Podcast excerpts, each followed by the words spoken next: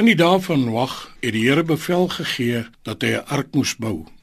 Die doel was om die wat die Here bestem het om behoue te bly tydens die sonvloed in die beskutting van die ark sou wees.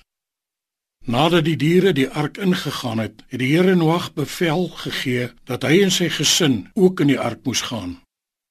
Toe hulle binne was, het die Here die deur toegemaak.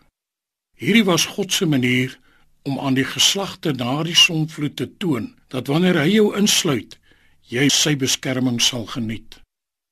Terwyl die toenmalige wêreld gesien het wat aangaan met die bou van die ark, was dit vir hulle dwaasheid en die aksies van 'n opperse pessimis.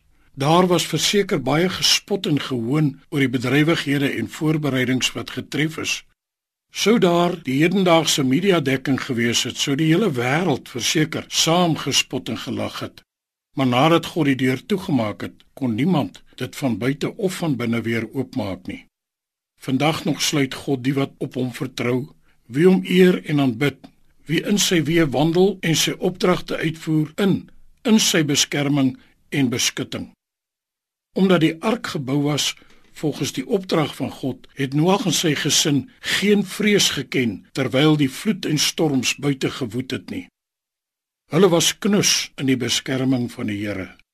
Verseker was daar hard en dringend aan die wande van die ark geklop toe die vloed gekom het.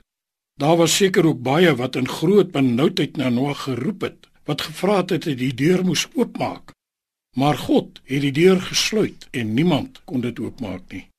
Kan jy vandag soos Noag van ouds ook rustig aangaan met jou lewe met die wete dat jy jou deel doen om die guns van God te geniet?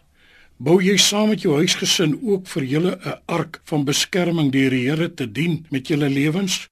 Of is jy ook iemand wat maar sien hoe dat die ark van ander gebou word en jy nie veel stuur aan dit wat gaan gebeur nie?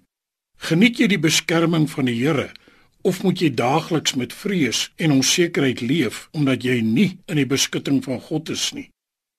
Maak 'n keuse en rig jou lewe so in dat jy in die beskutting van die Here kan wees dat hy jou ook kan insluit in sy beskutting en jou kan bewaar van die stormgeweld van die lewe waarin jy jou daagliks bevind. Hemelse Vader, ek bid U om my in te trek in U beskutting in. In Jesus naam. Amen.